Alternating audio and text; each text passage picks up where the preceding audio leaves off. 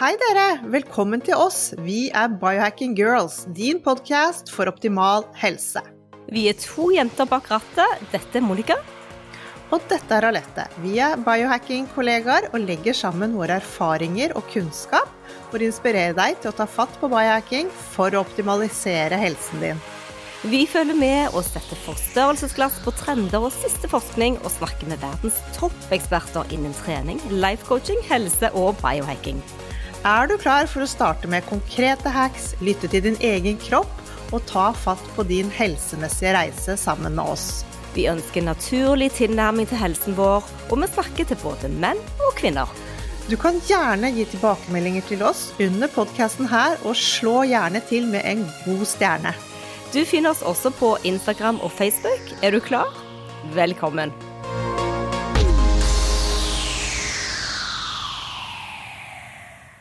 Hva er ultraprosessert mat? UPF, som vi forkorter det som. Og vet vi hva som skjer i kroppene våre når vi spiser dette?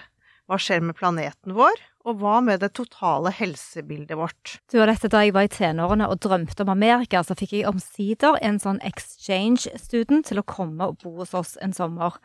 Du vet jeg er fra den oljebyen Stavanger, og nabolaget mitt besto av veldig mange amerikanere, hvor jeg fløy inn og ut og fikk eh, ja, sandwich og eh, spise litt hos de, og hang litt i korridorene i forskjellige hus. Følte meg veldig hjemme. Og etter hvert så kom Ellen fra New York til meg.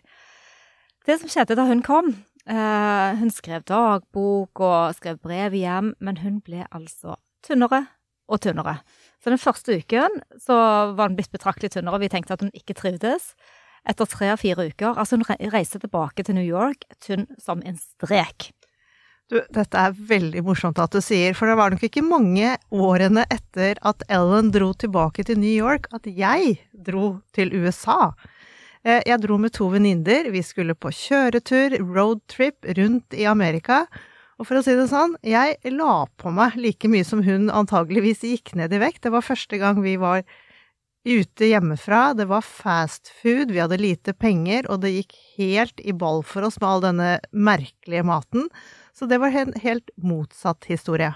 Ja, og du kan si det sånn, hun var vant til å spise hamburgere og french fries. Det var hennes diett. Og det å spise brød med ost og smør, helt vanlig norsk kosthold hjemme hos meg, det var en stor endring som gjorde at hun gikk ned i vekt. Men hvordan, øh, hva sa hun, eller reagerte hun på det, eller Hun hun elsket det. Hun gjorde det, Hun ville ha med seg sånne fullkornsknekkebrød hjem og ost fra Norge når hun dro. Å, gud, så deilig å høre. Dette er jo noe som vi har i de siste årene da bare helt glemt, denne ekte maten. Så vi må faktisk nå begynne å høre på Chris Van Tolliken. Han har skrevet Ultraprosessert. Dette er noe vi må lære igjen nå. For dette er en bok om ultraprosessert mat, og hvordan dette har infisert samfunnet vårt. En bok vi absolutt alle bør lese. Vi må få øynene opp for denne enorme industrien, og hva den faktisk gjør med oss. Tulliken forsker på hvordan denne maten er designet til rett og slett å fyre opp avhengighet og skape en epidemi av matvarerelaterte sykdommer. Vi blir jo stadig tyngre, og det går fort. På bare et par generasjoner har det skjedd utrolig stor økning i fedme. Det står dårligere til med fertiliteten vår også. Vi blir rett og slett sykere og sykere. Om du spiser en vanlig hamburger, en grillet kylling, kanskje et stykke pizza, så er smakene og teksturene en illusjon. Det er krisp, og det er kremet konsistens, det er luftig, og det er masse smaksforsterkende opplevelser som lurer oss, de lurer hjernen vår, og vi spiser kanskje mye mer enn det vi egentlig skal. Det er vanskelig å stoppe fordi hormonene våre henger ikke helt med. Nei, det er akkurat det. Og nå faktisk så finnes det heldigvis flere og flere studier som viser at et høyere kaloriinntak i særlig da grupper som spiser i UPF Opptil 500 kalorier per dag eh, økte de bare at de hadde fri tilgang til ultraprosessert mat. Den andre gruppen, som spiste helt vanlig mat, de gikk faktisk ned i vekt. Det går raskt å sluke denne type mat. Man tenker ikke på det, det bare sklir ned. Det er lett i munnen. Og alle har vi jo kjent på den følelsen når vi sitter med en pose potetgull, og plutselig er den tom, og du har nesten glemt at du har spist den. Vi trenger å bli med på Tøllikens reise og forståelse i matindustriens verden. Denne maten som blir laget i laboratorier i digre fabrikker. Vi kan vel kanskje ikke kalle det mat. Vi to er futurister og biohackere. Vi ser alltid fremover og prøver å identifisere signaler på endringer i samfunnet som virkelig kan påvirke livene våre. Og vi ønsker at du som er med oss på reisen, skal få flere perspektiver, flere ideer, Håper du blir inspirert og kan tenke ut konkrete ting som du også kan gjøre selv. Og da er det jo viktig å prøve hver og en å forstå hvorfor denne riktige blandingen av sukker, salt og fett gjør at vi ikke greier å slutte å spise disse produktene, og tilhørende helseutfordringer som kommer med for mye av denne maten. Tidligere har vi snakket med dr. Dome, som er holistisk tannlege, om dette temaet òg, og han fortalte jo at eh, en annen konsekvens av ultraprosessert mat er at skjevene våre de kan ikke utvikle seg sånn som de skal. Maten er altfor myk, og den er blendet, og vi trenger ikke å bruke skjeven til å tygge og til å spise. Og som en konsekvens av det, så får vi for liten plass for tennene i munnen, og dette igjen fører til problemer som fjerning av tenner og regulering, så det totale helsebildet blir påvirket. Vi må rett og slett lære oss selv å bruke Tullikens bok nå til å veilede oss inn i dette universet. Ja, det er bare et annet eksempel, dette med, ten eh, med tennene og problemer med ultraprosessert mat. Vi ser det jo på hele sykdomsbildet vårt, som du nevnte. Men skal vi se. Chris Van Tollikin han er lege og spesialist i smittsomme sykdommer ved Hospital for Tropical Diseases in London. Han er utdannet ved Oxford og har en doktorgrad i molekylær vir virologi fra University College of London. Der er han første amanuensis. Han er også TV-programleder med TV-serie og en viktig samfunnsformidler. Han forsker på hvordan næringsmiddelindustrien påvirker menneskers helse, særlig i sammenheng med barns ernæring. Og Chris van Tolliken han er i Oslo, og vi er så heldige å ha han med på podkasten i dag. Velkommen til Biohacking Girls, din podkast for optimal helse. Chris, welcome to us, and uh, it's so nice to have you here in Norway. How are you? I'm really good. I mean, it, I'm having a really wonderful trip. You this are. is good. You're you're my last appointment, and I'm excited to be here. Oh, I'm so happy you are here. Uh, you must be a bit uh, tired too. Anyways, we have been reading your book and enjoying it a lot in English and now in Norwegian. Uh, congratulations on spreading the information. It's such an important book. How can we start talking about such a great topic? We would need to go to you first and hear a little bit about you. Who are you? Okay, so I'm an infectious diseases doctor, and you might think that's a bit weird. Why am I writing about this? But uh, when I was younger, I worked a lot in very poor countries like Central African Republic, mainly in West Africa, South Asia. And I saw a lot of kids die from diarrheal disease.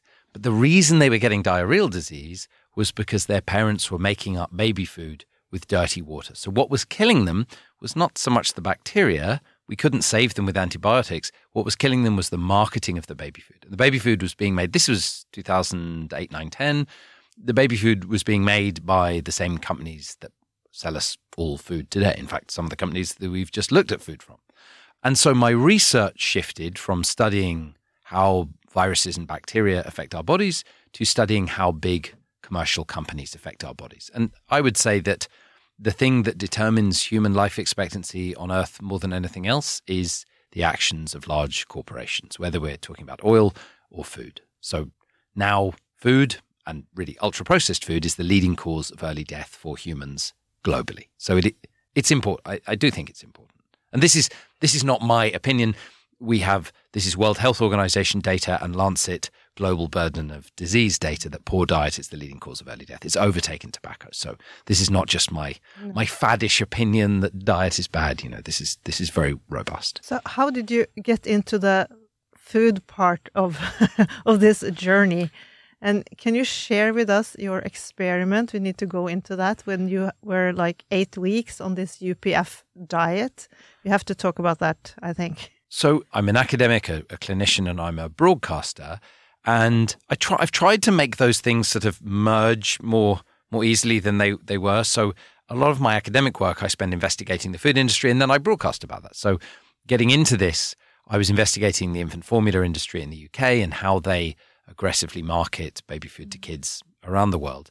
And that then led to much more academic work on child obesity. So I started doing some research on the causes and we were making a documentary. And I started thinking child obesity is very complicated.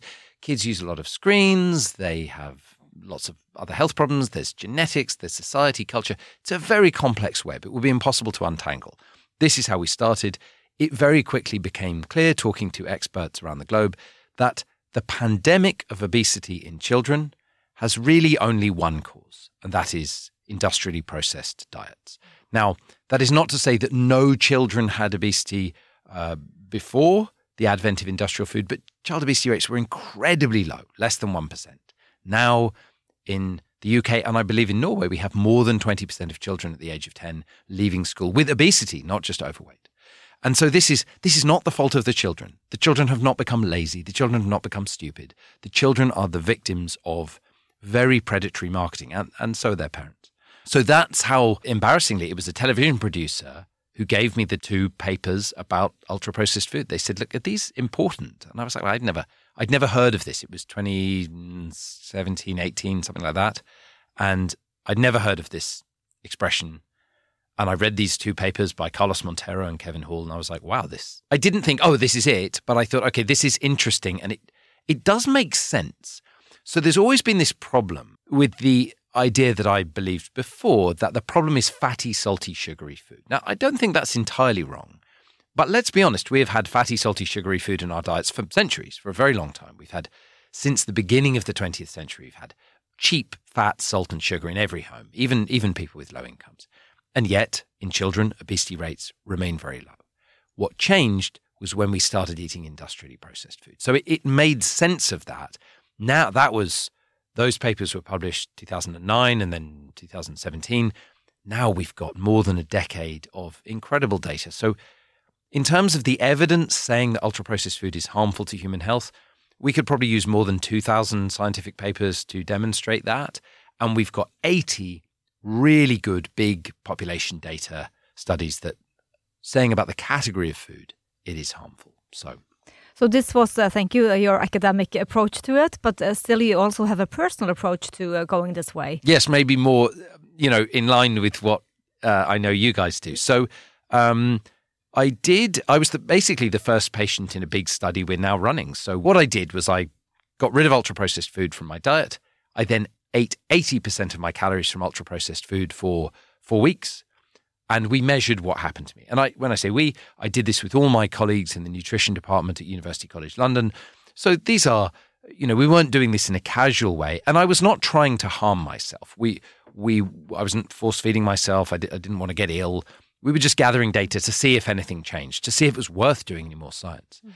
And so we saw these huge changes in my body. The, the first thing, and what's important to say is what happened to me is borne out by loads of other research, whether it's studies in animals, studies in humans, or, or population data. The first thing is I gained weight, and we know that ultra processed food drives weight gain. I gained so much weight that if I'd continued for a year, I would have doubled my body weight. And I was not force feeding myself. So I gained six kilos. And if you if you look at me, I still have most of those six kilos around my waist. Um, it's very hard to lose weight. Um, so the next thing that happened was we did brain scans, and I thought, we're not going to see a change in my brain scan. Right? I'm a man in my 40s. Like I'm eating normal food that's eaten by kids all over the world. Like this, we're not going to see anything happen.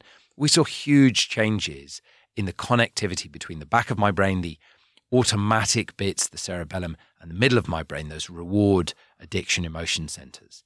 And these were very, very solid. So this was again, it was not casual. We did this with my pals who are medical physicists and neuroscientists at the, our National Hospital for Neurology.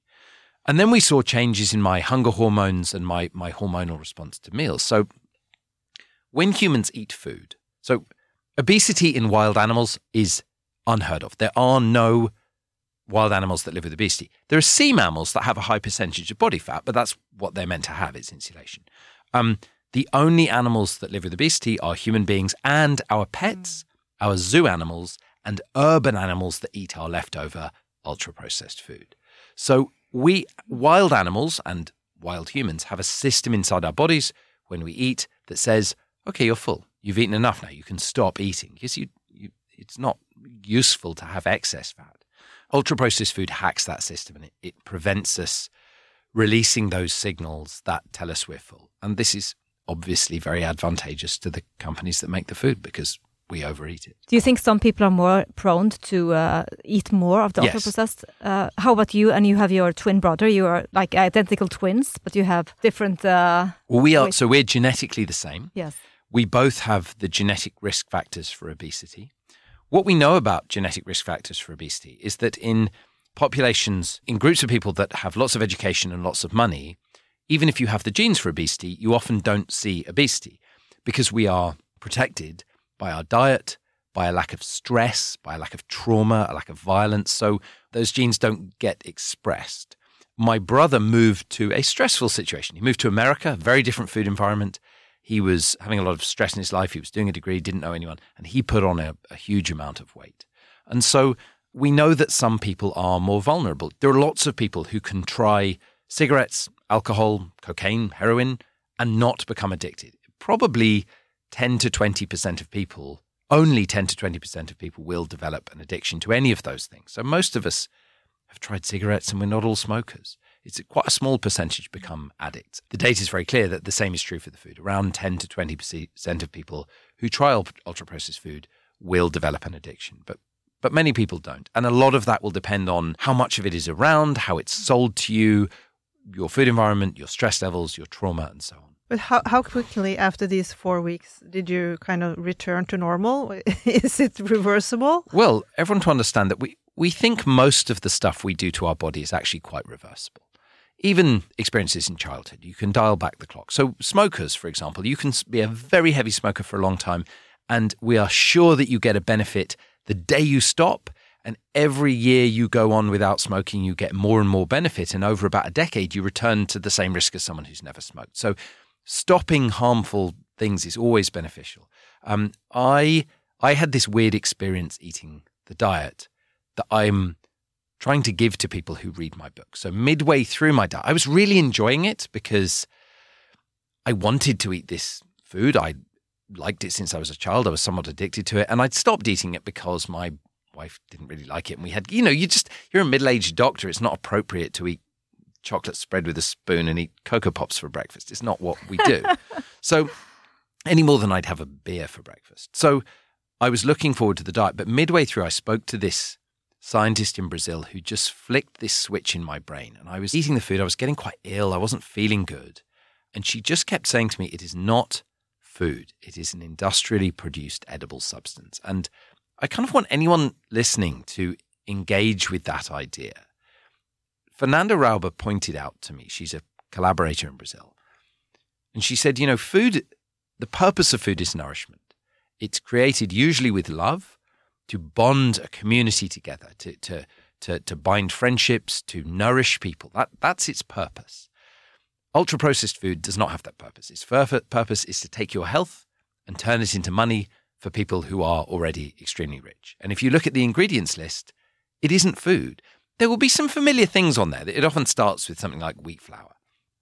But things like palm stearin, mango kernel fat, synthetic emulsifiers, thickening agents, stabilizing agents, these are not things that we have in normal food. And so I sat down that evening to eat a meal of, it was Kentucky Fried Chicken. In the book, it's a turkey Twizzler because I'd already talked about KFC, so I had to change. But the, the, the I can tell you the truth is it was KFC hot wings. And they became suddenly disgusting to me. You don't have to admit this, but it's like falling out of love. You know, you can have a sensation of being intensely attracted to someone, but love and disgust can flick quite quickly. We're often they're entangled emotions. We can suddenly not want to see the person or be involved with the person we've been in love with. And food is like this. Food we can make disgusting very quickly. If I take delicious food and I a fly lands on it, it can become disgusting. If I put it on the floor or spit on it, it becomes disgusting. So people live in an uneasy relationship with food anyway. And the trick I'm trying to do in the book is if you read it, I hope by the end, if you have felt addicted, you may feel released from that addiction. I, d- I don't promise that. I'm not selling a, a lifestyle. Some people will not be able to quit this food. It's very cheap. It's everywhere, but that, that's what I'm trying to do. This is actually what I felt when I read your book the first time, uh, that it changed my mindset more, deeper. But uh, back to the downside of eating these foods, because we know that we've been studying a lot uh, seed oils, and that they will stay in our organs like for up to five years. Well, that that would probably be the same because there's a lot of seed oils in the ultra processed food too. So they don't just if you stop the diet, uh, your experiment, they will not just uh, leave your body immediately. I think that's right. There will be some some effects take a long time to reverse. So weight gain particularly and weight gain is so hard to reverse it is essentially incurable without drugs or big interventions. It's almost no one successfully loses weight. When it comes to things like those seed oils and the emulsifiers, food is not just energy, obviously. It's what we build our body from. We're constantly getting rid of our body and recycling it and adding new molecules. Now, when we eat molecules that are similar to the molecules we should be eating, but not quite the same, we still incorporate those into the body. So I think the evidence on this is some of it is a bit thin, but I think it is useful for people because the evidence is very strong that the food is harmful. I'm comfortable saying I think there is some evidence that the seed oils and the fats become incorporated into our cell membranes and they stay there and they may change the viscosity of the membranes. So we know that the fatty membranes in our brain cells, for example, it's very important how they function, proteins flow through them. And if you start putting in molecules that shouldn't be there, then we don't know all the effects, but it's unlikely to be very good for you. So, how did you feel after these weeks? And when you started changing your diet, uh, how did you feel after that again? So, during the diet, I felt very ill, and I but I didn't know it was the food. When when you eat food, it doesn't. If it does, if it immediately makes you sick, then you you know. But if it gradually makes you mm. sick, so it's very salty. As here's the vicious cycle: you eat the salty food, you overeat it because it's you know addictive. So you go to bed and you're kind of full but unsatisfied and you're thirsty because you've eaten salt. So you drink loads of water before bed. Now, if you're a man north of 40, you then are up peeing two, three times a night. Then you get up for the third time to pee and you don't fall back to sleep. So you're exhausted. You go down to the fridge. You've got some heartburn, some indigestion. So you have some, you know, a yogurty drink from the fridge. It's now almost dawn. You're then exhausted for the day. You shout at your kids, you shout at your wife, you're constipated, you get piles, you get an anal fissure. So you're generally becoming, and then that becomes a more and more vicious cycle. But you're not really pointing at the food. It always felt to me that weirdly, my wife and children had become incredibly annoying for that month. You know, after I stopped eating the food, it was like the benefits, I would say, because it was such an extreme change, I stopped eating it entirely and I was very happy to stop because I didn't want to eat it anymore. The change, I would say, within 24 hours, I felt better. Within 72 hours, it was like the sun had come out and the clouds had parted. And my wife, you know, I said, I'm so sorry. I think I've been unbearable, you know. So, yeah, it's very subtle. I just aged by about 10 years. So you didn't do any tracking or? No, I wasn't wearing lots of trackers. It would have been quite interesting To see with an Oura ring just to see yeah. how you slept or? Oh, yeah, I didn't. No, I didn't do any of that. Some biohacks? No, I just didn't do any of that. We were doing like MRI scans and hormone levels and things. So we, we were sort of doing other other tests, but um because we're measuring now the ketones and the glucose and trying to binge like a zero diet uh, coke or something to see how it works on uh, the glucose. It's really, you can measure that. So, there was an incredible study published this summer in the journal Cell about non nutritive sweeteners, the, the artificial sweeteners, even yeah. though some of them claim to be natural. And I think most of us had understood the problem with the artificial sweeteners is you put a sweet taste on the tongue that releases hormones to deal with sugar. When the sugar doesn't arrive, it drops your blood sugar. You're then hungry and you go and eat more sugar this paper showed, and it was very persuasive, that many of these uh, non nutritive sweeteners put your blood sugar up, even though you're not eating any sugar. And we think there's almost a stress response. If your tongue tells your body sugar's on the way and the sugar doesn't arrive, your body, it, that's, that's a very strange mismatch that we haven't evolved to handle. So, what are you finding with the with the glucose monitoring? And then we can you, see ex- you drink a big. Yeah, diet. we can see the the same thing. We can see with the chewing gum too. Does it put it, does it put blood sugar up? Yeah. Really? It's so interesting. And it's not the amazing thing is no one can tell you why. No. We've got some ideas, but this research is done by one excellent research group. There's no money for anyone else to do it really. And the other research on sweeteners, the best research was done at Yale by Dana Small, funded by Pepsi. And Dana's a brilliant scientist and she no longer works with Pepsi, but she started to find these very odd things and her funding was withdrawn. So she was showing the sweeteners induce sort of metabolic problems in rodents and It must be some kind of activation of the enzymes uh, that the body thinks it's going to get food, and you start preparing. But I it suspe- even, yeah. I say, I mean, eating is a very, very complex process. So we, the food industry and conventional nutritional science would have us believe that eating is really just all you need to eat is fat, sugar, protein, essential amino acids, essential fatty acids, and a list of, you know, a handful of vitamins and minerals. If you put it all in a space shake, that'll do. In fact, eating is like there's so much going on when we eat with our nose and our mouth and our taste and our microbiome. Hmm. I think the ways in which these products harm us are very, very diverse. I think so too. Yeah. And we haven't even touched on it, but we have to go into the definition of ultra processed food and the NOVA classification. Can you do that for us so we don't jump Um, over it? Yeah. I guess most of your listeners probably by now know. One of the criticisms of the science around ultra processed foods, is, oh, the definition is vague, it's not agreed on. This is a this is a lie. It's a naked lie.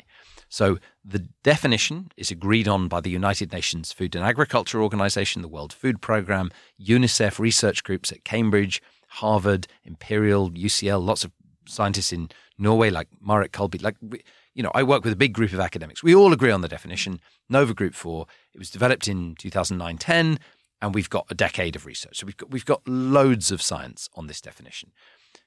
There are no other definitions of unhealthy food that have really ever been subjected to any scrutiny. We have science around nutrients, fat, salt, sugar, saturated fat, trans fats, fiber, but we haven't really studied an entire category of food with a label. Like in the UK, we have HFSS, high fat, salt, sugar food. There is no science around that category of food and negative health outcomes. The science is all about salt or sugar or fat. So the evidence is very good. The definition works. Sorry, I'm, I'm still haven't given the definition. it boils down to this. I won't read out all 11 paragraphs, they're very long. It's anything pretty much wrapped in plastic with an ingredient you don't find at home. So if your if your um, food contains xanthan gum or a stabilizer or an emulsifier or a natural flavoring or a spice extract, it's likely to be ultra processed. Yeah. And the issue is not these additives, although some additives are a bit harmful. The issue is much more the sort of food as a whole.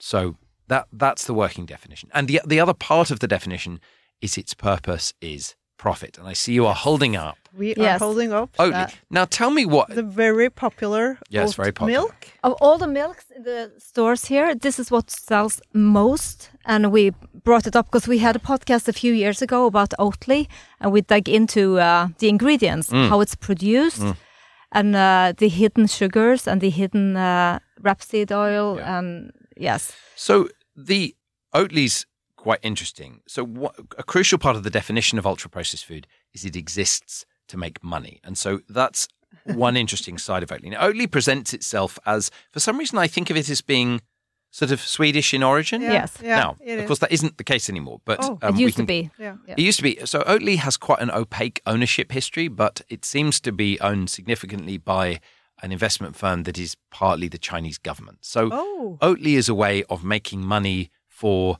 a number of big companies, including the Chinese government. Now it's Listen up to this. it's up to you yes, to decide, and and it's not entirely clear from you know I haven't done a deep dive into this, so but when I last looked at it, this was the case.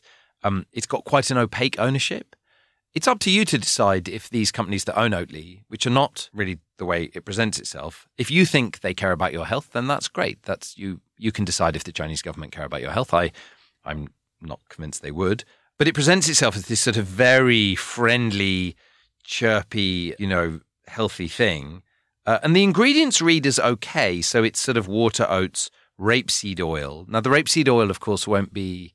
Uh, That's uh, processed. it's not Yeah. extra virgin cold No. pressed rapeseed oil. It's refined, bleached, deodorized rapeseed oil. So this is really a sort of pointless fatty emulsion of some oats and, and oil with an acidity regulator, dipotassium phosphate, and then some minerals added because otherwise it would be it would have no nutritional content at all. Um, what isn't on here, uh, and I, I don't I shouldn't say about Oatly specifically, but my understanding from talking to food industry insiders is there is a lot of enzymatic ultra processing of these ingredients. So they're breaking them down with enzymes to create sugars.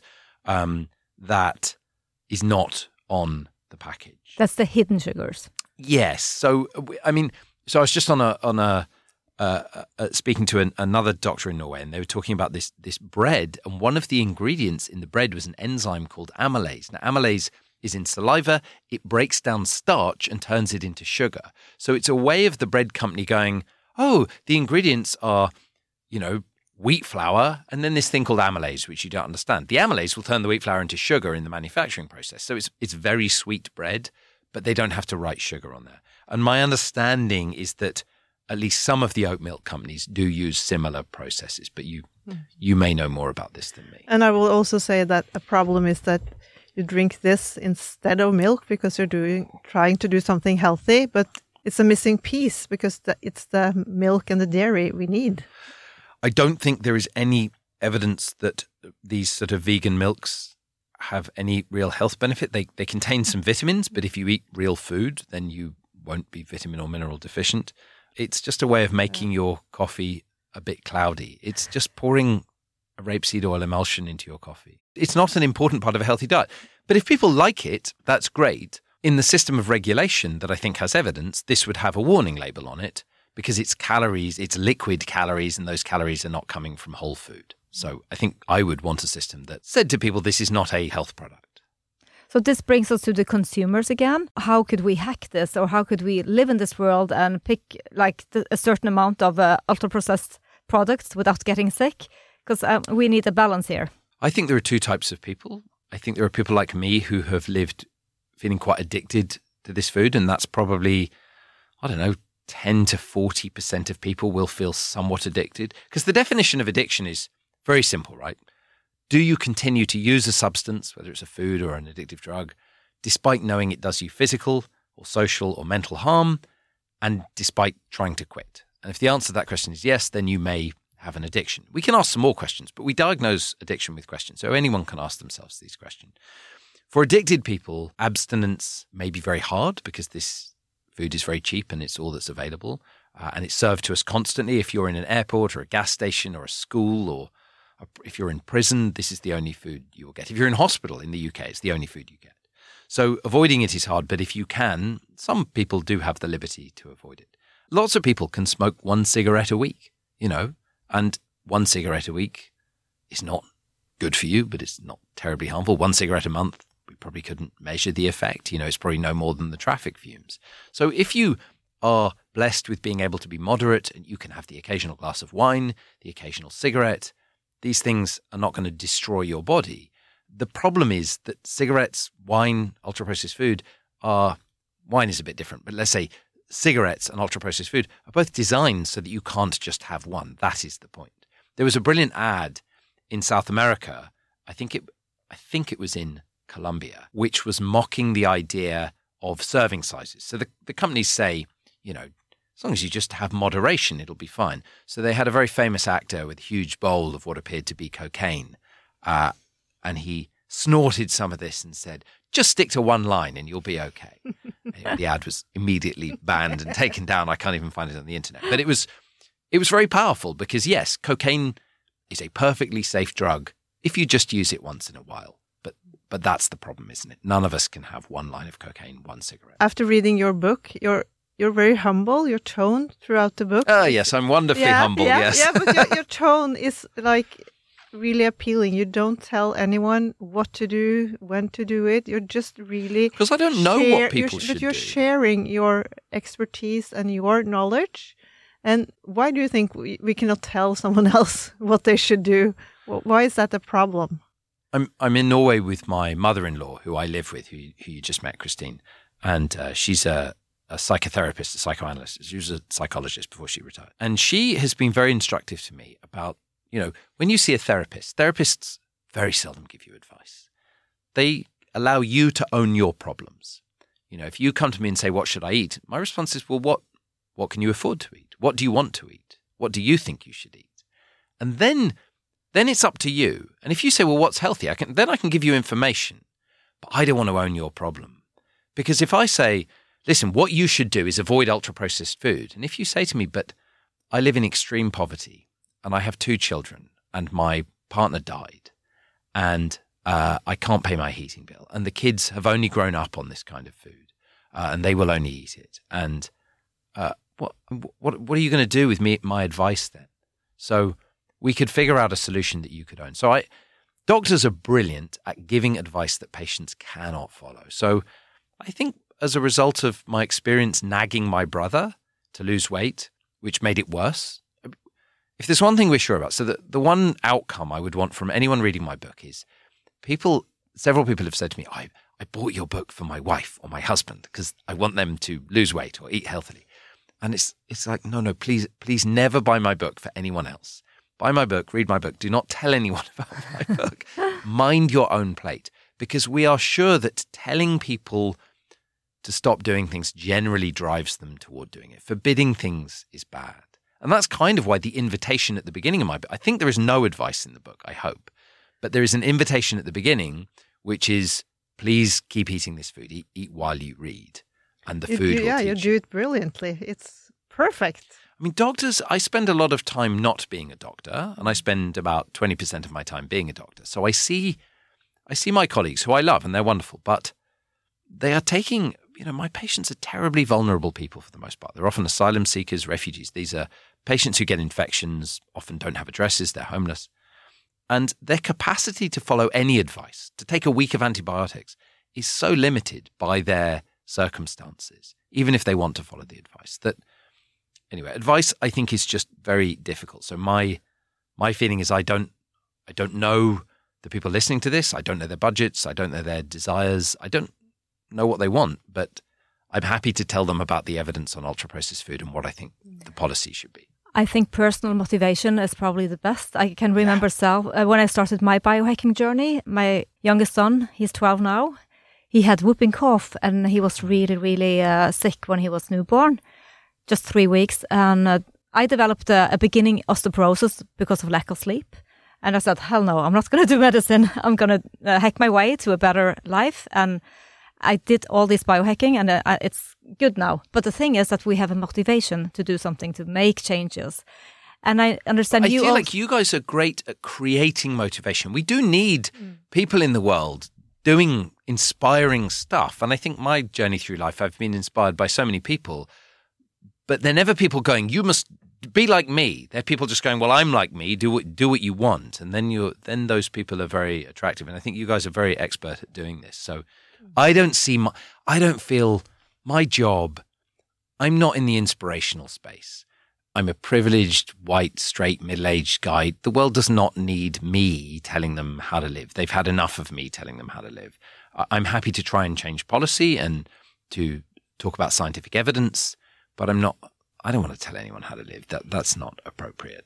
That's dull. no, but sharing stories, then we can inspire when we share our stories. And um, you have your own kids, I do. yes, I and think they're mine. and and you probably as a father would like them to live a healthy uh, life and try to avoid the bigger mistakes. It's like we begin everything in the teenagers, 20 years, and then we stop everything in the 30s and the 40s. Yeah.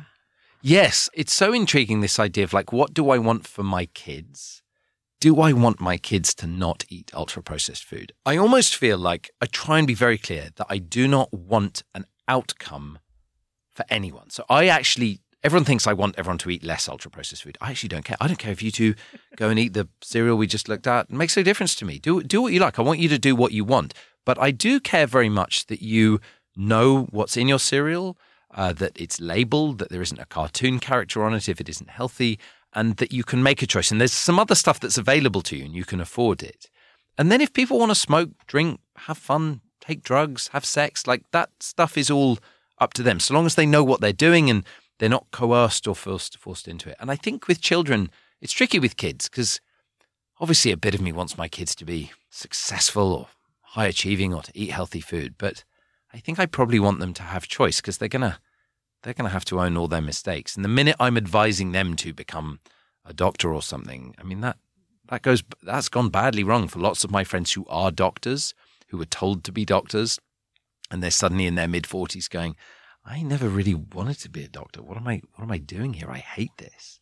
And lots of people who were told they couldn't be doctors who wanted to be. So yeah, I I fail at this because I am an advice giver like to my core. I want I want to tell everyone what to do. Like a bit of me has that in me. But I, I try not to give my kids advice. So my kids eat UPF, but I tell them what it does to them. And So you buy? no, they're given it by other people. We don't. We have it in the house. Yeah.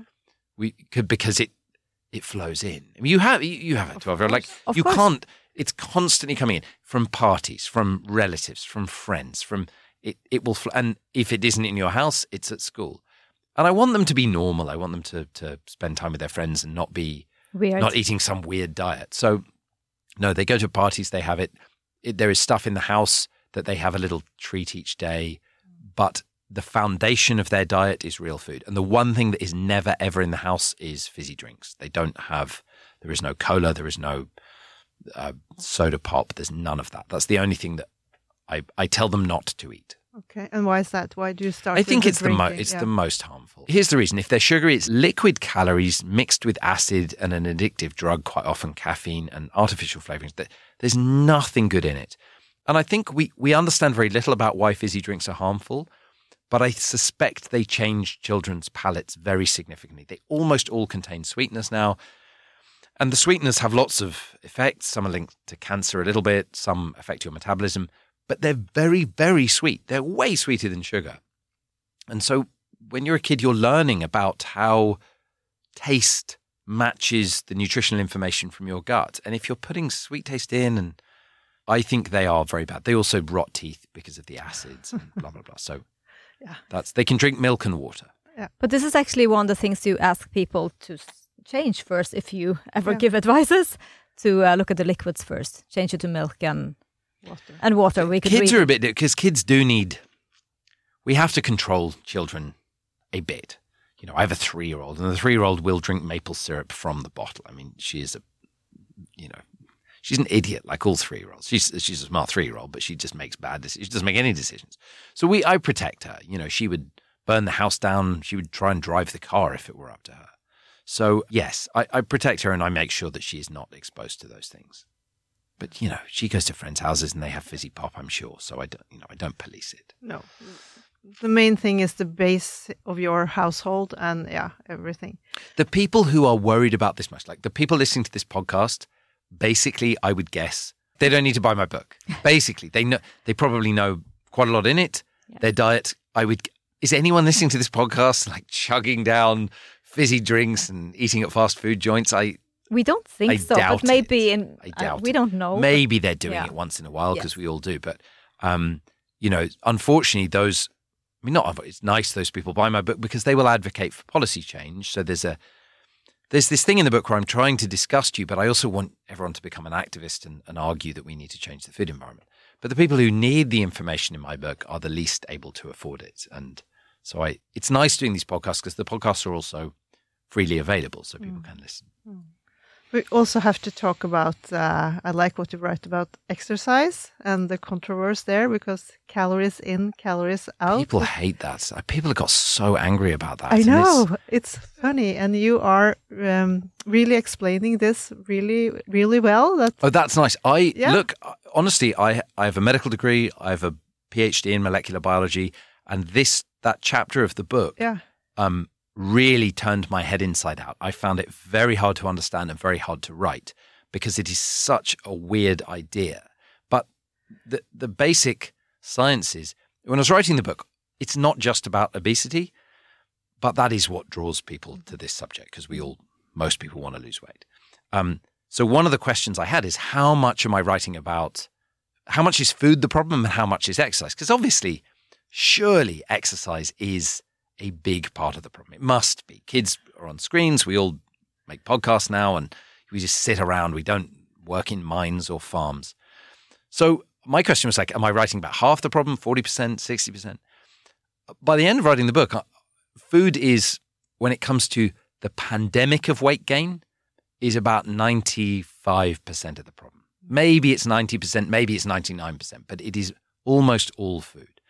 And the fascinating thing is that it explains exercise of the kind that most of us do doesn't affect the number of calories we burn in a day. Now, there are some exceptions. If you are an Arctic explorer, if you are cycling in the Tour de France, if you are an Olympic athlete or a very elite athlete, you can, for a short period, a few months, burn more calories. But over many years, active people farmers, miners, people who stay fit do not burn more calories or hardly any more calories than people who are very inactive. Mm. So the reason for this seems to be, you know, my twin brother and I burn 3,000 calories a day, let's say. Now, if he starts doing, going to the gym three times a week, we still burn 3,000 calories a day. He is stealing from other energy budgets. So he will be taking away from his from, from inflammation, from anxiety. My 3,000 calories a day, if I'm not burning it off at the gym, I will be burning those calories with inflammation, anxiety, elevated hormone levels. So exercise is incredibly good for us. It changes the way we use energy. It builds bone density. It stops you getting heart attacks. It's like it's so good for you in every way. It's the best medicine. If there is, that's the that's the biohack. It does not. You cannot outrun an unhealthy diet. And the beautiful thing about this chapter that I loved, I'm not. I'm sound like I'm boasting about my book, but what was what's elegant in the science is we have very very good science showing that if you're active, you don't burn more calories. But we have very good science that shows that Coca Cola funded this universe of science saying you could outrun a healthy diet. And that's that's cool because if you if you're going to point to the conspiracy, you have to sort of show it. So it's it's a very complete chapter in the book. I think that's very well evidenced. But God, it makes people angry. It people does. hate it, and the in- industry industry hate it because the reason these drinks companies and food companies sponsor the Olympics is because the message, the implicit message is food is energy. It's not going to make you big. It's energy. So have you gotten a lot of um, pushback from your book, or has it been Yeah, well, well received? Two weird things have happened. So, yes, the food industry briefs against me, but they don't do it directly. The food industry funds big charities, which have scientific advisors, they fund university departments, which also have scientific advisors and scientists working there. And it's those people who criticize me. So, in the press, you will think in the UK, there is a legitimate scientific debate. You'd, you'd imagine, like, oh, there's some controversy here. There's there's this guy Chris who's saying about ultra processed food, but there's a professor from the University of Reading or um, University of Leeds who they seem to say he's wrong. So we're not sure about this. Those people are funded by Pepsi or Mars or Coca Cola or any of the big food companies. They work with charities that are funded by those companies. So the pushback is very clever because they know if I go up in a press interview with a spokesperson from Nestle or Coke or McDonald's, that's that's easy. It's harder to go up in a press interview against a professor who appears credible. You, I think people though. I mean, the person from the University of Leeds, I'm thinking of. I had an interview with her, and in the first bit of the interview, I had to say, "Look, you work for a charity that's funded majority by the food industry, and that the British Nutrition Foundation, this charity, their Healthy Eating Week in the UK was sponsored by Coca Cola. So, how can you, as a scientist, sit on the board of a charity as the chair of their advisory group and sanction a Healthy Eating Week sponsored by Coke? Like, you just, how do you do that? But I hate doing that because I know that scientist quite well, and she's a really nice person, mm-hmm. and she's not trying to be bad. And I don't want to sort of make it personal, but the food industry do make it personal. So they've been doing all that, and I don't think they're winning, but they are creating confusion. That's that's what the tobacco companies did. But meanwhile, they're also wanting to meet me and pay me lots of money, like huge Okay. amounts of money. Okay. So they want me to go and talk to them. One company wanted to fly me to America for a long weekend, meet the board, uh, an hour long Zoom, and I'll get paid twenty thousand pounds. Now I don't take any of this money, but in one instance, I asked to see the contract. So the reason, so I was like, why do you, why do the food industry want to speak to me? If they want to know what I think, read my book. They know all about the food. I, all the information in my book, the best information, is from the food industry insiders that I spoke to. What they want is the contracts in exchange for the money all say that I will never say anything about that company, their products, or their customers ever again, Okay. anywhere again. Yeah. So for a very small amount of money, they they buy my silence. Oh. So I will never take any money from any company that makes ultra processed food, or I mean, really food of any kind. I just I'm in the business of regulating the food industry. I just can't take money from the food industry, and so the bad guys in the book are not the food companies. Actually, I mean, they, the food companies do evil things. The bad guys are the doctors and the scientists who collaborate with the food industry. And in the UK now, we just see all of the the doctors who run, or not all, but many of the doctors who run our podcasts, who talk to the media, people a bit like me, many, most of them either make ultra processed food, like they make supplements and things, or they or they partner with big companies that do, because it's so much money. So, how do you see the future? Uh, what are we going to do going forward? So the the food companies come from the tobacco companies, right? So in Yeah. the mid '80s, the tobacco industry owned the food industry. This Philip Morris owned Kraft and uh, General Foods, and R.J. Reynolds bought Nabisco. So that they were the same companies making food and cigarettes, and that's why all our food is addictive and it's it's marketed the way it is. So just as they've used their tobacco knowledge to sell us addictive, harmful food, we need to use our tobacco control knowledge to regulate that food. And it's very simple you have to create a culture where their money is dirty. So charities should never take their money. Government, I mean, our scientific advisory committee on nutrition, our government committee, is about 50% funded by, they, they have past or ongoing relationships with the food industry. So we've got 15 people on the committee. Seven of them have these conflicts of interest. It's like, what? Why is the regulator funded by the industry it's regulating? So you have to end the conflicts. You have to put warning labels on healthy food. You know, we looked at some cereal that cereal is covered in health claims, even as everyone would acknowledge it has a number of health harms. It should have black octagons on it. This is what they do in Mexico, in Argentina. It works extremely well. We have very good evidence. There should be no health claim on any food. There's no health claim on broccoli. There's no health claim on steak, on butter, on milk. Food is very complicated. You can't point at any food and go like broccoli is healthy. Broccoli is a, is part of a healthy diet, mm. but you can't live on broccoli. You know, olive oil is good for you. But you can't drink olive oil all day. So no food should have a health claim. The only thing that's healthy is a healthy diet, which is a balanced, varied diet, and there are lots of them. And unhealthy food, you can't have a food that's unhealthy and healthy. You can't have a breakfast cereal full of emulsifiers and sugar and fat, but also whole grains. So the what the whole grains neutralize the bad stuff. Like how how does that work? How is something?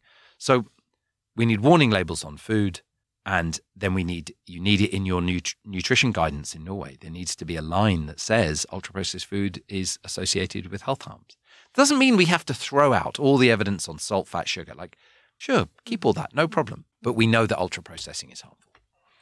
We would also like to ask you about supplementations that you use, vitamin D, uh, multivitamins, etc. These are also processed in a way. What, what are your thoughts about that? So maybe I should be careful here because I don't I don't know what you guys have said about that. But he- here's my here's my opinion. If you eat a healthy, balanced diet of real food, uh, you get uh, all the vitamins and minerals you need, and you get them in a form. It's very important. You get them in a form you can absorb them. Now, if you eat a multivitamin tablet, it could have in it actually an excess of lots of different minerals: zinc, iron, vitamin C. Vitamins and minerals. Now, when that's in your gut, the way you absorb some of those different metals, the minerals and, and the, the trace elements and, and the vitamins, they use the same proteins to get into your body. And so you can end up eating an excess of two minerals, deficient in one, overdosing on another. Um, so the big studies of multivitamins and antioxidants, the big data sets we've got show that in healthy people, they seem to increase your risk of death. And uh, I think we don't really understand entirely why that is, but there, there is not much evidence they are good. There are some populations that need vitamin supplementation, you know, uh, children, pregnant women, some women in general. There's some evidence about vitamin D in northern latitudes, B12 in vegans. So there's some specific advice, but um, but I don't take any supplements, and I am. My experience is that I think there are a lot of people selling supplements that are neither useful and they're not useful and they may be harmful. It looks like the same kind of industry as the processed foods. It's, Are you? Do you guys have a supplement? Can I ask? No, no, no, no. I suddenly, I was because you never. Yeah, no, yeah, I yeah, was like, yeah, oh, yeah. why- yes. So it's not, uh, but it's interesting to reflect on because everything that's sold as a quick fix that will solve your problem, even if it's a multivitamin or a box of some food. Uh, but we try always to eat our nutrition, eat the food, whole food is food. You have to like absorb. You know, the the metals in your food are bound up in protein complexes that your gut must dismantle. Mm. There are pH effects. There are competitive pathways. Like we're evolved to eat food. We're not evolved to eat slurries of vitamins, minerals, protein isolates, and cornstarch. So, yeah, I'm. I mean, one of the big cons I think is collagen. That collagen is comes is a protein throughout our body. It's in it's usually extracted from leftover bits from cows and pigs. So once you got all the meat off the carcass, the the hooves and the tendons and the bones and the gristle is all full of collagen. And this is a waste material fundamentally, but instead it's sort of being packaged up and sold as skin creams or edible supplements with the idea that like if you eat collagen, it will improve the collagen in your skin. When you eat any protein, collagen, uh, muscle protein, whatever, your body destroys it in your gut to its component amino acids. You absorb those amino acids, you ship them around the body, and you rebuild your proteins.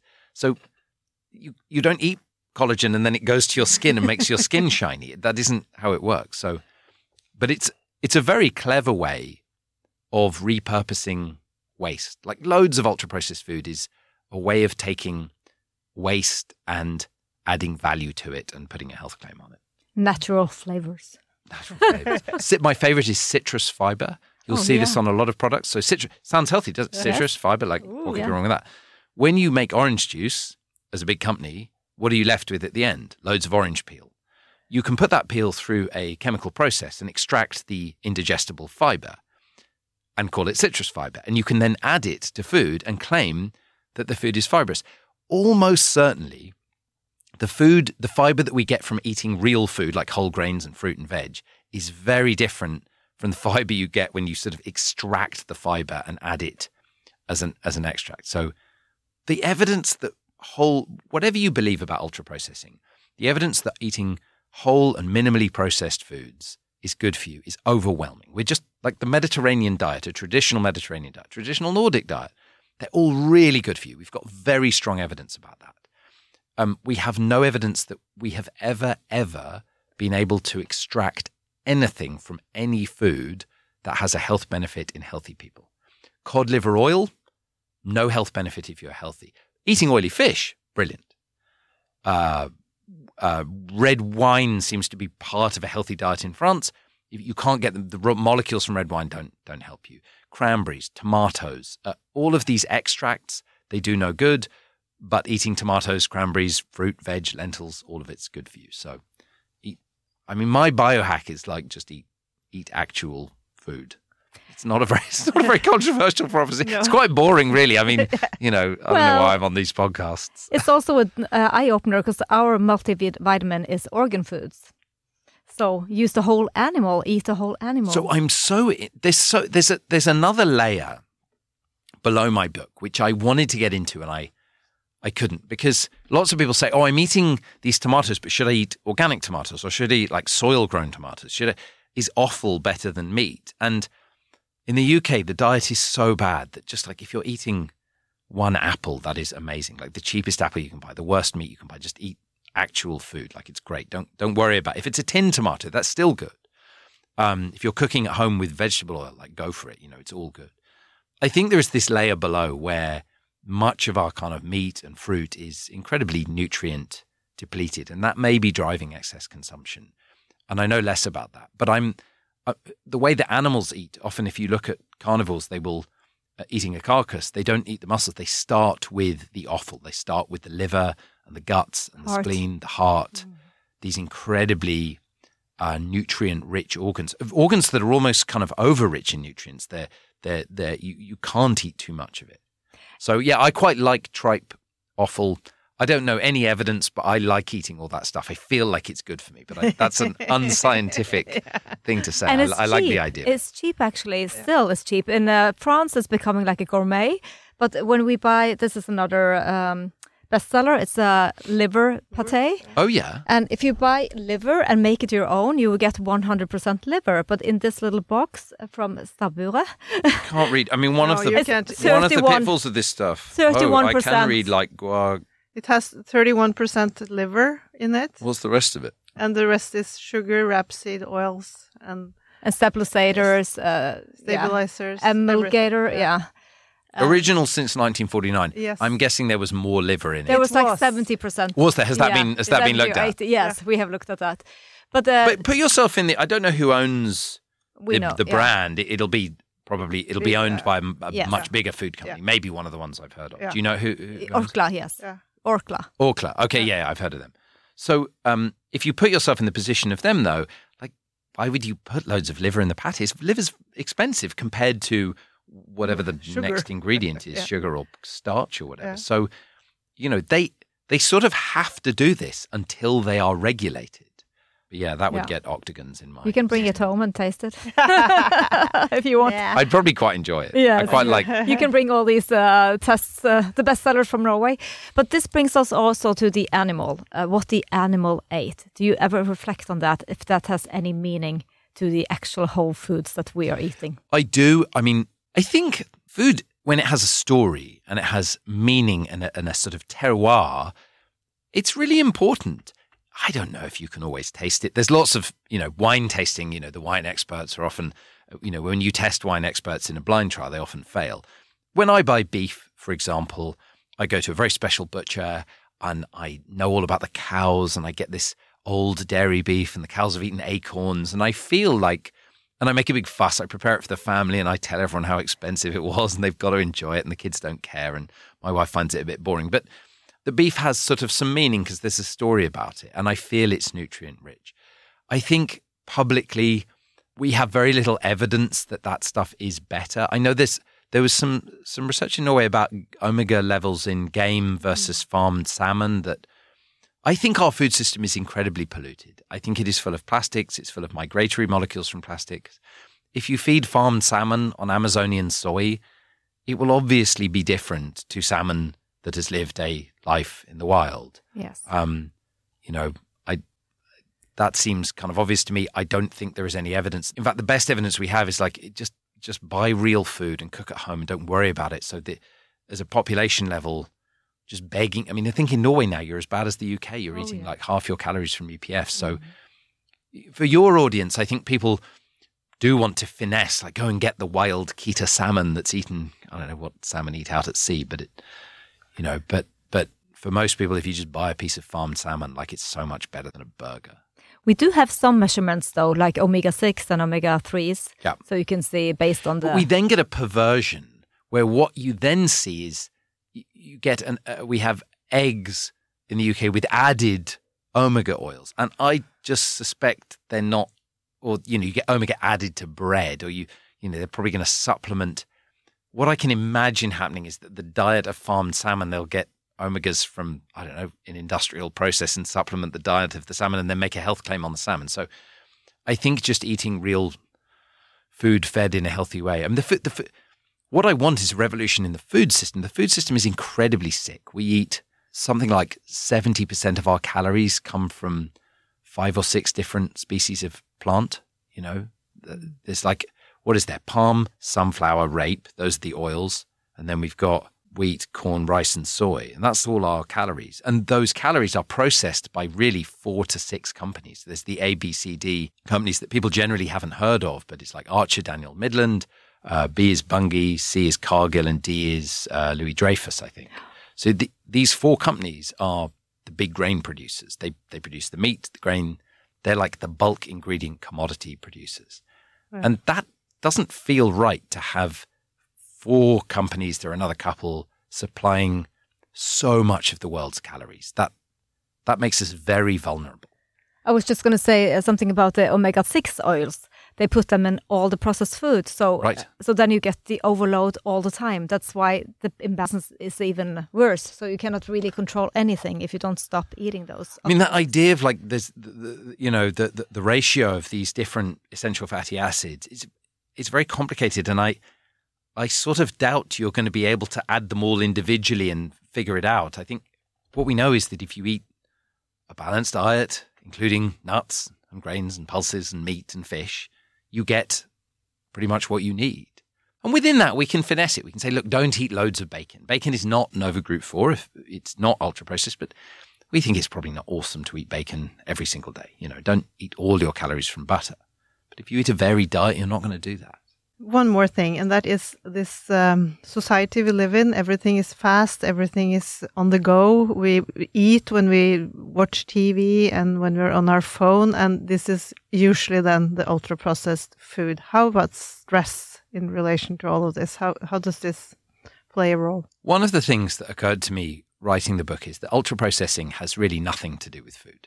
So we call it processing. So you think of like a food processor and some machine and a factory that makes food. Really, ultra processing can be done to lots of things. So my phone is an ultra processed product. Ultra processing is about a system of production where you test your product repeatedly on big focus groups to figure out how to make it as addictive, as sticky as possible. So a bit like with the food, if you point to your, you know, my phone, what what's addictive about it? Could we could we reformulate the phone so it stopped being addictive? Not really, because everything is it's the gestalt of the phone. It's like the apps, the camera, the the design, the little uh, the sticky magnetic case, everything about it makes you want it makes you need to spend time with it and it all interacts. So a lot of our world is ultra processed and it all interacts very cleverly. And so we get a lot of brand synergies where the food companies partner with the sports companies who are partnering with the gambling companies and the alcohol companies.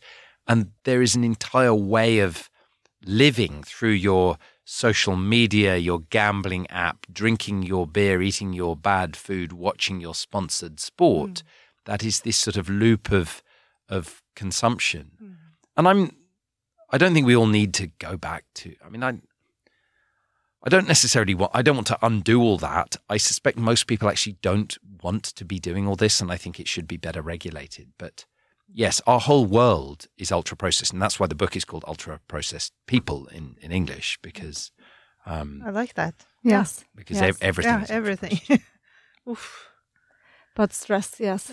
Uh, I didn't answer the question about stress. No, no, no. It's yeah, I mean, stress is like yes, of course. Yeah. yeah. yeah, Say something about stress. Yeah, it's easy to just grab something on the go when you have so, so much other things on your mind. The food why do we engage with addictive substances? We do it for self medication because the moment to moment pain of being alive is, is, uh, is made a little bit more bearable. And so we have a drink, a cigarette, we take drugs, we gamble, we eat addictive food, we look at our feeds, our reels, our Instagram, and uh, it, it is all a way of sort of self medicating. I think because there are some quite deep problems in the world. We see enormous problems of social injustice. Um, we see pollution, we see climate change, and I think people are chronically stressed. And work has, for many people, ceased to have a lot of meaning. Mm. Uh, particularly in the UK, people really struggle in quite good jobs to make enough money. And they see a small number of very public people making unimaginable quantities of money. And I think this creates an ecosystem where we're constantly self medicating. And I do it myself. You know, I got in my hotel last night and I was thinking about things like just spent 45 minutes scrolling through the reels, like proper addiction. when I'm at home, my wife is very good. My wife manages it and she, I'm not allowed my phone in my bed. By volu- I say, can you not let me have my phone in the bedroom? so the phone does not live with me. Well, we're getting towards the end here, but um, could we ask you a little bit about your work with the UNICEF and the WHO? We know that you work with them about how how how we what are you doing this in the future. So Can you I'm, tell us? I'm an advisor to WHO about the relationships between healthcare professionals and the formula industry. So we have an action group where we are trying to end those relationships. You know, until very recently, our Royal College of Pediatrics and Child Health in the UK was sponsored by Danone and Nestle. Now that is doesn't matter what you think about their products. That is unacceptable. Those are companies that do affect ch- children's health and they mm-hmm. sell they benefit. And that's true globally. So I do a lot of work with UNICEF on their nutrition and and and their ultra processed food work. So there is a there is a conflict that I'm happy to talk about, which is that a little while ago the World Health Organization accepted money from the Nestle Foundation. And so that created a huge problem for many people that work there. And they have said they will not do that again. But the ambition of I think of, of all the work I do with with WHO, with UNICEF, and all the other charities is to try and stop these conflicts of interest. So my my boundaries are: I will not work with anyone who continues to take money from companies that make ultra processed food. Mm. And so this is causing conflicts then in the UK because many of the people who've been very nice and helped to sell my book are now partnered with these companies. And so I I am even this weekend in Norway coming to a sort of reckoning where I'm going to have to figure out how many enemies I want to make about this. Where where do my principles sort of stand? And do I call people out or do I ignore them? Do I refuse to ever be on their podcasts? Do I publicly criticize them? Do I send them a WhatsApp message? Some of these people are friends. But I think to me that is the that's the focus of the work at WHO and at UNICEF is stopping partnerships. And hmm. UNICEF are just both of those organizations wrote the code about how we should relate to infant formula manufacturers and, and the most important thing is you cannot take their money. Their money is filthy. You cannot take one single solitary penny. Oh, good on you. Oh, that was beautiful. Good for Well, the, uh, listen, I'm. I would love to take it. I mean, I, I, I, this is not me being a hero. I would love to take this money. Um, I'm very fortunate. I make money as a doctor, so I'm I'm okay. I don't I don't. I have enough money. I'm not wealthy, but I'm very comfortable. And um, but I am kept in line by Marit, for example, who's a collaborator, by a big team of academics, all of whom, if I the second I take money, will I will become a an Yeah. outcast. So we need that. I'm I am regulated heavily. That's good. That's wonderful, Chris. Thank you so much for coming and joining us uh, on the podcast. Oh, it's such a pleasure. You asked. It was a, I really, it's really enjoyable doing these things, and I love coming to Oslo. so where are you going now? So now I'm flying home. Yes. Yeah, good on. I'm I'm I'm on a flight in Fleur. So I'm going to go and try and buy a woolly jumper. Where do I get? What is it? A, I just want to. I like no. So I had a beautiful Norwegian jumper a few years ago. It's been eaten by moths, and I need to go and get another one. So I'm I'm like on a mission now. I've got an hour. Christine wants one too, so we're going to go and try and buy ourselves like a proper. I think you need to go down by the um, city hall Yes. around there. They Yes. have the tourist shops. Okay. There you can get one. And I can get a good good Yeah, one, like Yes. heavy so. wool. Yes. Yes. Yes, yes, yes. So that's that's my that's my departure brand, and I should get some junk for the kids as well. Some junk. You got some in the Some bag from us now. You can bring those cocoa nuts They can have the liver paste. They will love this. and the chocolate. So thank you very much and have a good journey back. We hope to see you soon again on the podcast. Oh, yes. It's such a pleasure. So nice meeting you both, and I'm sure I will be back in uh, Oslo at some point in the next year, and we can catch up again. Wonderful. Thank you. Ja, dette, dette var veldig spennende å snakke med Chris van Tulleken om Ultraprosessert. Boken som nå er på norsk, den må alle bare kjøpe. Han sier at vi ikke skal anbefale den til noen, men vi synes at alle skal ha den hjemme. For den reisen, den gjør noe med deg. Den gjør absolutt noe med deg. Plukk den opp, kanskje ikke du leser den med en gang, men la den bare ligge der og godgjøre seg litt inntil du er klar for å gå inn i den reisen. Du kommer ikke til å angre. Og undertittelen 'Hvorfor spiser vi greier som ikke er mat, og hvorfor klarer vi ikke å stoppe'? Så det har vi snakket om i dag. Vi håper virkelig at du koser deg med denne podkasten, og at du fikk mange gode innspill til hvordan du skal leve videre. Tusen takk. Track it. Hack it!